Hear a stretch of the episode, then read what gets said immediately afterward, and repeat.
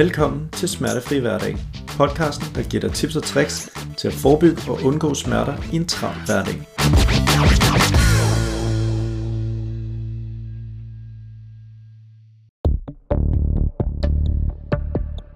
Når noget gør ondt, er vi som mennesker gode til at søge den rette hjælp til at komme af med smerterne igen. De fleste vil måske i første omgang prøve noget, man selv kan gøre derhjemme. Det kunne fx være at se videoer af gode øvelser på YouTube, at passe lidt ekstra på området, der gør ondt, eller at tage nogle smertestillende piller. Hvis det ikke er helt nok til at fjerne smerterne selv, så er det tid til at se en professionel behandler. De mest gængse muligheder her er enten en fysioterapeut, en kiropraktor eller alternativ behandling. Men vidste du, at vores måde at behandle smerter og skader på har ændret sig rigtig meget med årene? I takt med, at forskningen er blevet bedre, har vejledningen med, hvad man bør gøre, også ændret sig. I dette afsnit af Smertefri Hverdag tager jeg dig på en lille rejse gennem tiden for at vise dig, hvor vi har været og hvor vi er henne i dag. God fornøjelse. Inden vi tager på en rundtur i smertens univers, så er det måske en meget god idé lige at få defineret, hvad er smerte egentlig. IASP, som er International Association for the Study of Pain, har defineret smerte på følgende måde. An unpleasant sensory and emotional experience associated with or resembling that associated with actual or potential tissue damage. Og det er altså en definition, der har ændret sig en lille smule fra tidligere, hvor, og det kommer vi også ind på her om et øjeblik, hvor smerter i rigtig lang tid har været set på som et direkte produkt af en skade. I dag ved vi, at det er en lille smule anderledes, og derfor så tænker jeg, at vi starter vores lille rundtur.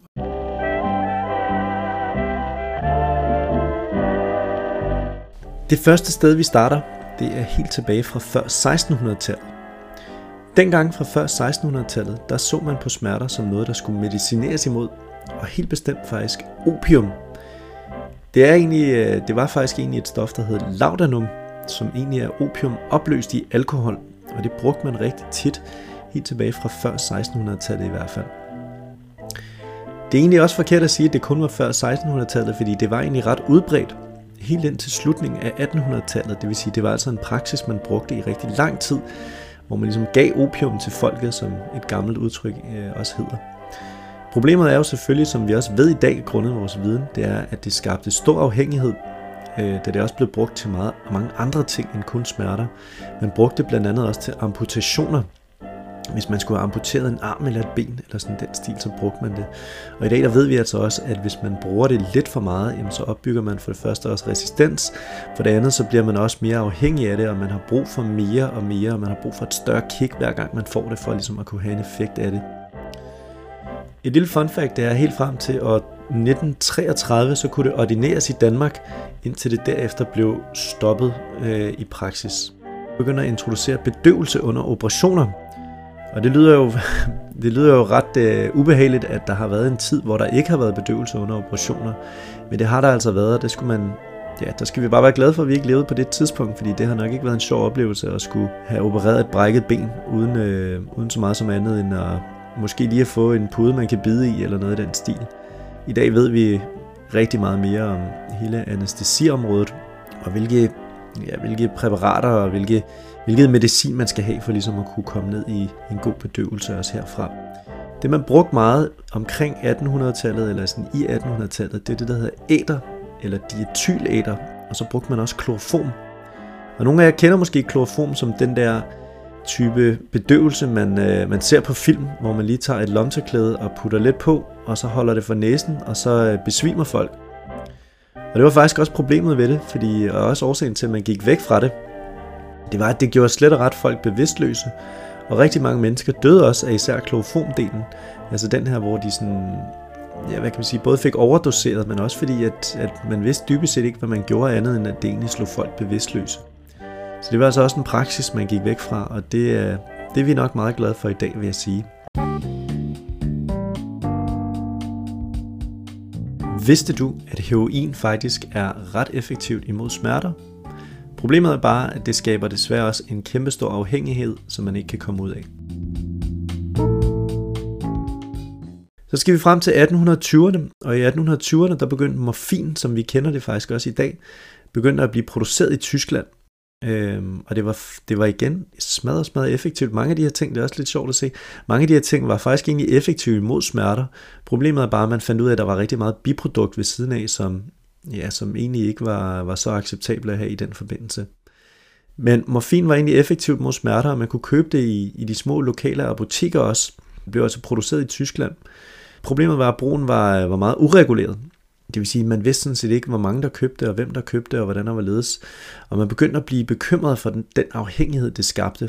Altså hvor allerede dengang, der vidste man, at morfin, det var noget, som, som man skulle begynde at, at have, lidt i, øh, have lidt i baghovedet også, de, de bagsider, der kan være af morfinen. Morfinens storebror, kan man sige, det blev så øh, heroin, og øh, det var så i 1898, at heroin blev introduceret. Det blev egentlig introduceret imod hoste, altså det vil sige hoste og ja, tør hals og de her forskellige ting, som, øh, som indikerer en, en hoste. Og den blev egentlig skabt til at skulle være mindre afhængighedsskabende, end morfin skulle være. Og det vil sige, at man begyndte altså også at, øh, man begyndte altså også at praktisere med heroin til ligesom som, som et smertestillende præparat også. Det som vi så i dag også ved, og som de dengang også kort tid efter hurtigt fandt ud af, det var, at man kunne se, hvordan folk de kvæste de her piller, fordi den heroin, man fik, det blev, øh, det blev givet i piller. Så man så simpelthen, at folk de kvæste pillerne, og så sniffede de heroin i stedet. Og det er jo det, som vi i dag faktisk også kender som at sniffe heroin. Altså det er stadigvæk udbredt, fordi det har den effekt, som det har på, på vores krop. Netop det her med, at vi får et kick, vi bliver meget høje af det.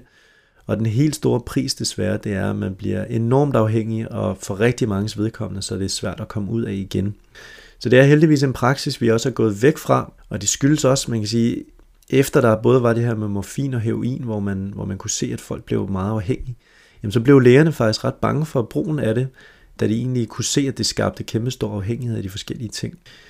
Vi skal frem til 1920'erne, og i 1920'erne, eller i det og 10, så begyndte man at se på det, man kalder rigtig smerte, det vil sige i gåseøjne rigtig, og det er dem, som, øh, som der fik det direkte forårsaget af en skade. Det vil sige, hvis man kunne se, at du har et, øh, du har lige slået dig, for eksempel, du har et brækket ben, og du gør rigtig ondt fra det brækket ben, jamen så stolede man egentlig på, at det her det var rigtig smerte, fordi vi kan jo se direkte, at der er en skade. Det betyder så også, at dem, som havde smerter, men som man ikke kunne finde vævskader på, altså man kunne ikke se direkte, at der skulle være noget, øh, som var skadet, eller som, var, som der var gået hul på, eller som der var blevet sprunget, eller sådan den stil jamen man så faktisk rigtig meget af de her mennesker som enten mentalt forvirrede, eller hypokonter, eller faktisk også medicinmisbrugere. Fordi der var mange af dem her, som man mistænkte for, at nu kom de og opfandt en masse symptomer for, at de egentlig kunne få, få udskrevet medicin. Og igen, det ligger sig nok også lidt op af den her morfinafhængighed, der har været tidligere, som man, man var meget bange for, at man kunne se i alle mulige afskygninger og afkroge. Man begyndte også at forsøge med nerveblokader, og det, det gjorde man indtil et godt stykke tid ude i, i fremtiden. Det vil sige, det var noget af det, som, som egentlig skabte rimelig, rimelig store fremskridt også på det punkt i forhold til smerter. I 1965 så, øh, så blev der introduceret det, der hedder gate-kontrol-teorien. Og det er en teori, som beskæftigede sig med, at smerter ikke kun øh, afhang af en bestemt skade, men lige så meget også afhang af, hvor opmærksom vores krop var på et bestemt område. Lad mig komme med et eksempel fra i dag, som, som kan beskrive, hvad en gate-kontrol-teori mekanisme kan være. Hvis du slår dig, og det gør vi jo tit, hvis man slår sig på, lad os sige, sin fod, noget af det første, man gør, det er, at man går ned, og så prøver man at røre lidt på området i nærheden. Det vil sige, du tager dig til din fod og prøver sådan at stimulere foden på andre måder. Og det, som man mener med gate-kontrol-teorien, det er, at hvis du slår din fod og får en skade på din fod, jamen så sender din fod en hel masse signaler til din hjerne om, at der er ved at ske en skade, eller der er sket en skade i området. Det vil sige, at du får en hel masse nervesignaler. De her nervesignaler, de mødes jo så i ryggen, går op til hjernen. Men det man så kan gøre, det er, at man kan stimulere nogle andre nerver, som også mødes, kan man sige, inde på samme område, og så ligesom at overdøve signalet ved at skabe en hulens masse signaler i et andet område. Det vil sige, hvis du har en hel masse nerver, som fyrer til, at nu bliver der berørt i området omkring din fod, så er der mulighed for, at det ligesom kan tage de baner, der fører op til hjernen, så hjernen ikke når at registrere, at der er så mange signaler, som, som ligesom signalerer, at der er noget farligt på færre. Det betyder altså, at smerte er et problem, der involverer mange flere aspekter af en person, end bare lige det her med, at man kan at man bare kan, kan, kan se en skade, og så er det smerten af der. Det betyder, at man kan altså også manipulere en lille smule med vores nervesystem. Men det er noget, som vi stadig bruger i dag faktisk, den her gate-kontrol-teori. At man ligesom kan overdøve et signal ved at skabe et andet i stedet. Det, som der også begyndte at ske her fra 60'erne frem, det er, at der begyndte at komme en større fokus på mennesket bag smerterne, og at forskellige kroppe reagerer forskelligt. Det vil sige, at man fandt ud af, at der er det, vi kalder et biopsykosocialt aspekt til smerter. Forstået på den måde, at smerter, det kan både afhænge af selvfølgelig, at der er fysiske skader, men der er også lige så meget, kan man sige, en volumenknap i kroppen, som ligesom kan skrue op og ned for de her smerter, afhængig af, om du for eksempel også trives, om du er meget stress på, har meget stress på, om du sover godt, om du ryger. Det vil sige, at der er rigtig, rigtig mange andre faktorer, som kan spille ind i forhold til smerter. At det begyndte man ligesom at, øh, at sætte mere fokus på her i fra 60'erne frem. Og det er også der, der begyndte at forskes mere i smertens forskellige ansigter, hvis man kan sige det således. Fra cirka midten af 1900-tallet frem ja, til i dag, jamen, så er det blevet mere almindeligt med operationer, det vil sige operative indgreb, hvor man egentlig skærer det op, som der er skadet, hvis man kan sige det sådan, øh, og på den måde ligesom kan, kan fikse problemet igen. Det der så er et, et andet problem, det er, at selve tanken beror rigtig meget på, at man skal fjerne problemet, og på den måde så kan man også fjerne smerten. Det er desværre ikke sådan, det hænger sammen. Det vil sige, tit kan man selvfølgelig opnå en lindring ved at reparere et broken område, øh, og når jeg mener broken med gåseøjne, så mener jeg, at det er fordi, at det er lidt svært at definere, hvad er egentlig et forkert område, og hvad er egentlig bare et almindeligt alderdomstegn. Altså det vil sige, hvad er egentlig bare almindelig kroppens aldring, og hvad er egentlig en skade. Fordi der er rigtig mange sammenhæng, som viser, at man ikke nødvendigvis får smerter af en bestemt lidelse. Man kan sagtens have for eksempel slidgigt i kroppen, uden at man mærker det. Så hvorfor er det egentlig, nogen mærker det, og andre ikke gør? Det er jo så også et interessant spørgsmål. Vidste du, at man sagtens kan have smerter i kroppen, uden at man kan se en fysisk skade på en MR-scanner? Gennem de sidste 30 år og frem til i dag er forskningen omkring smerter eksploderet fuldstændig voldsomt. Det vil sige, at i dag så ved vi langt mere, end vi gjorde for bare 30 år siden. Dels er der kommet flere studier på området, ligesom kvaliteten på de her studier faktisk også er højere. Det vil sige, at vi har fået en bedre systematik, vi har fået bedre mulighed for at udelukke alle de ting, som, øh, som der kan være, kan man sige, det vi kalder bias i et studie. Øh, så vi er sikre på, at vi måler faktisk på præcis, eller så præcis som det nu kan være på effekten af en bestemt behandlingsmetode. Øh, og det kan være mange andre ting, som, som ligesom gør, at det, at det har en effekt eller ikke har en effekt. Det vil sige, at vi er blevet bedre til ligesom at forstå, hvordan kan vi teste, hvordan kan vi gøre, hvordan kan vi forholde os til de svar, vi også får. I dag ved vi for eksempel også, at det er langt mere normalt, at man kan have smerter i kroppen, uden at man har en skade. Der er blevet lavet rigtig, rigtig mange studier, hvor man har taget folk, der ikke har smerter, og placeret dem i en MR-scanner for at se, jamen, hvad er det egentlig, der foregår, hvis vi putter på en MR-scanner. Og der kan vi se, at rigtig mange mennesker har skjulte skader, hvis man kan sige det på den måde. Altså forstået på den måde, at diskusprolapser er meget almindelige menisklæsioner, altså det vil sige skader inde i knæet, opstår også hos rigtig mange mennesker, som ikke mærker smerter efterfølgende. Og det betyder jo bare, at smerter er en anelse mere komplekse, end vi lige går og tror. Det betyder ikke, at man ikke kan have smerter og samtidig have en meniskskade, hvor det måske er det, der er årsagen til det, men det er bare sværere at fortælle, hvad årsagen er, når vi netop ved, at man sagtens kan have problemerne, eller sagtens kan have skaderne uden at have problemerne, for at sige det lige ud. Det giver jo så også den gode løsning, eller den gode glæde, at det ikke nødvendigvis betyder, at du skal have dine smerter for evigt, når du kan se, at folk også uden eller med de samme skader ligesom kan have det sådan, så de ikke har smerter. Smerter er derfor også blevet anerkendt som et selvstændigt problem for sig. Det vil sige, når vi netop kan se, at der er rigtig mange mennesker, som har smerter, uden at de har en skade, jamen så bliver smerter faktisk betragtet som en sygdom i sig selv. Det vil sige, at man kan godt lide af smerter, og det betyder ikke, at, der ikke, at man ikke skal undersøges for alle mulige andre ting. Det betyder sådan set bare, at når man er blevet undersøgt, og hvis man er blevet undersøgt, og man ikke kan finde noget, så er det ikke fordi, det er unormalt, det er ikke fordi, det er mærkeligt at have det på den måde. Det er bare mærkeligt i forhold til vores lidt tidligere måde at forstå smerter på, som stadigvæk hører lidt fast i vores måde at tænke på. Det her med, at skader altid skal være forud for smerter. Og det kan de simpelthen, øh, det kan de godt være naturligvis, men de kan også sagtens fungere uden at der er en skade til stede. En af de ting, som også er markant anderledes i dag, end den har været end øh, vores tidligere historik, fortæller os, det er, at vores historik har været meget fokus på, øh, på medicinen og på ligesom at få gennembrudene. I dag der ved vi selvfølgelig, at sådan noget som træning, det er rigtig vigtigt, og bevægelse enormt vigtigt, især over aflastning. I gamle dage, der fik vi at vide, at vi skulle aflaste det område, der gjorde ondt. I dag, hvis du har været til en fysioterapeut nogensinde, så vil du få at vide, at du skal bevæge området, der gør ondt.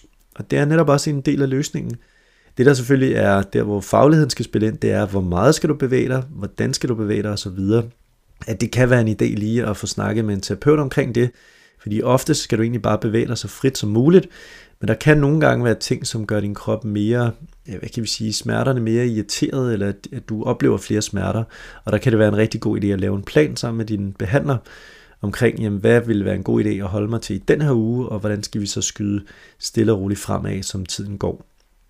I dag er bevægelse jo selvfølgelig også øh, fuldstændig altafgørende for, at smerter ofte bliver bedre. Det betyder også, at når man kommer til for eksempel kiropraktorer eller fysioterapeuter eller lignende, så vil der altid være nogle gode råd omkring at huske nu et par øvelser, og måske endda også at vise nogle øvelser.